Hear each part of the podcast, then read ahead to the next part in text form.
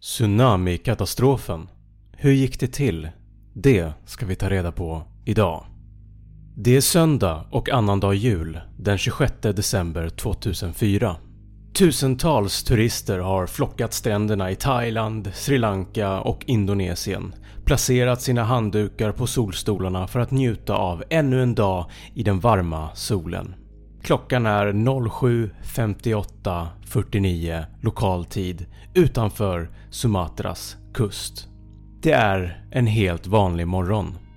En sekund senare, 07.58.50 Långt ner i havet kolliderar två kontinentalplattor med varandra. En jordbävning vaknar till liv. En jordbävning så stark att den mäter 9,1 på Richterskalan. Richterskalan är en skala för att kunna ange styrkan hos jordbävningar. En jordbävning som mäter 2,0 känns inte och sker ungefär 8000 gånger varje dag. En jordbävning upp till 3,0 känns ofta men orsakar sällan skador och det sker ungefär 49 000 gånger varje år. 5,0 kan orsaka större skador på dåligt konstruerade byggnader och sker ungefär 800 gånger varje år. 7,0 kan orsaka allvarlig skada över större områden, sker ungefär 18 gånger per år i världen. 8,0 mycket allvarliga skador i områden på över 1,6 till 2,2 mil. 9,1 Total förstörelse. Sker ungefär en gång vart tjugonde år. Jordbävningen 2004 hade en sån energi att potentialen i total förstörelse uppskattas ha motsvarat kraften i ungefär 1500 atombomber. Men trots det så var det bara en bråkdel av den totala energin som frigjordes. För att förstå den mängd energi som jordbävningen utlöste så var det tillräckligt mycket för att kunna förse hela USA med energi i 370 år. Jordbävningar brukar vara över efter några sekunder och skalv som varar i över en minut är väldigt sällsynta. Den här jordbävningen varade i 10 minuter.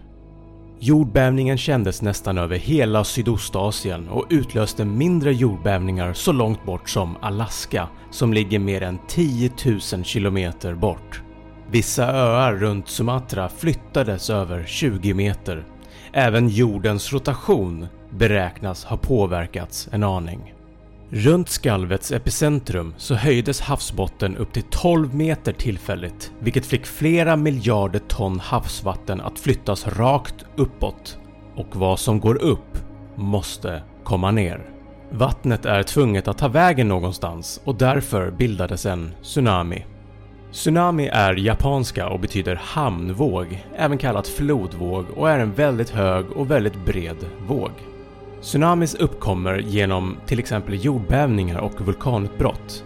Massiva skalv får havsbotten att röra sig upp och ner vilket gör att det bildas ringar på vattnet, ungefär som när man kastar en sten i vattnet. Ute på öppet hav så märks inte en tsunami på samma sätt. Våglängder kan vara på flera hundra kilometer och eftersom att det är så djupt så är inte vågorna så höga ännu. Men vattnet rör sig väldigt snabbt och när tsunamin 2004 bildades så färdades vågen i omkring 800 till 1000 km i timmen. Ungefär samma hastighet som ett vanligt passagerarplan. När tsunamin närmar sig land så bromsas den in kraftigt och rör sig mellan 30 till 40 km i timmen och den kilometer långa våglängden pressas nu ihop och eftersom det blir grundare och grundare närmare land så behöver vattnet att ta vägen någonstans och det tvingar vattnet uppåt. Våglängden minskar men våghöjden ökar kraftigt. Det bildas en flera meter hög vägg av vatten. Vad hände efter skalvet? Vilka länder påverkades? Och hur många människor omkom? Indonesien bara själva jordbävningen orsakar enorma skador på byggnader på den indonesiska ön Sumatra och Aceh-provinsen. Det tar inte lång tid innan tsunamin når hit heller. Efter bara en kvart kommer en 30 meter hög tsunami och totalförstör flera städer. Bland annat huvudstaden i Aceh-provinsen, Banda Aceh, blir ödelagd. I Indonesien dör 165 000 människor. Över 500 000 blev hemlösa när deras hem totalförstörs av tsunamin. Den massiva tsunamin fortsätter över den Indiska oceanen och tyvärr så fanns det inget varningssystem för tsunamis ännu så omvärlden är än så länge helt ovetandes om vad som händer och vad som är på väg att hända. Thailand 10.00 cirka två timmar efter jordbävningen. I södra Thailand är turister och lokalbefolkningen på stränderna med om ett väldigt underligt fenomen. Vattnet på ungefär 66 av Thailands västliga stränder drar sig tillbaka ut mot havet. Flera hundratals meter av havsbotten blir blottad. Folk förstår inte vad som händer och börjar gå ut på den torrlagda botten. Det ligger fiskar och sprattlar, turister fotograferar händelsen och barn går och samlar snäckor och leker i de små pölarna som vattnet har lämnat efter sig. Vissa människor förstår dock vad som är på väg att hända och varnar de andra på stranden. Vissa stränder lyckas att evakueras medan andra inte lyssnar på varningarna.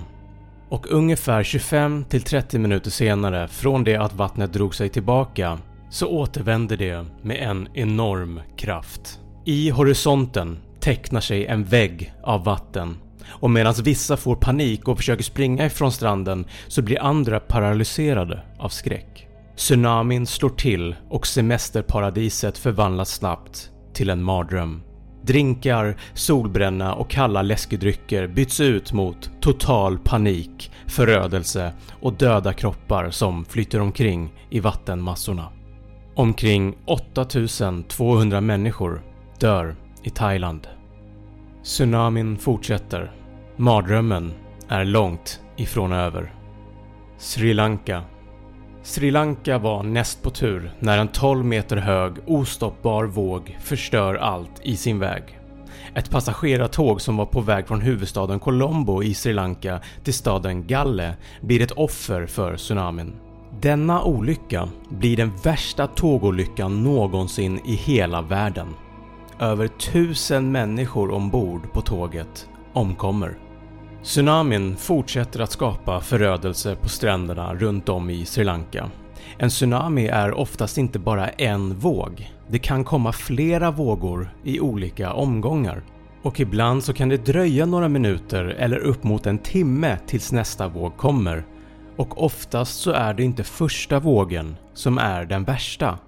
Det här gjorde att på vissa stränder så gick folk tillbaka till stränderna eftersom man ansåg att den första vågen inte var så farlig. Men de hade såklart ingen aning om att nästa våg var på väg. Över 35 000 människor i Sri Lanka dör. Totalt så kom det 14 vågor i olika omgångar som slog emot landet. Tsunamins totala dödsantal slutar dock inte där. Andra länder drabbas också hårt. Indien 8850 döda. Andamanerna 7450 döda. Malaysia 68 döda. Burma minst 61 stycken. I Bangladesh så har vi två döda. Och även på Maldiverna och i Somalia så omkommer det strax under 300 människor totalt. Över 5 miljoner människor blev hemlösa efter det att tsunamin totalförstört deras hem. Det totala dödsantalet runt om i världen beräknas vara minst 230 000 människor. Av de döda så var 543 svenskar, varav 16 stycken inte har hittats.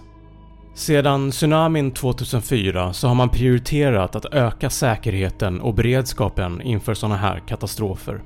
Jordbävningssensorer har installerats på havsbotten för att kunna utlösa tidiga varningar om tsunamis.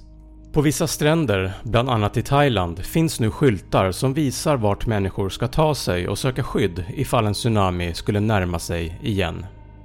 Jag hoppas att du tyckte att det här var intressant. Snabb fakta finns även som en YouTube-kanal där du kan se alla avsnitt med rörlig bild. Tack för att du har lyssnat.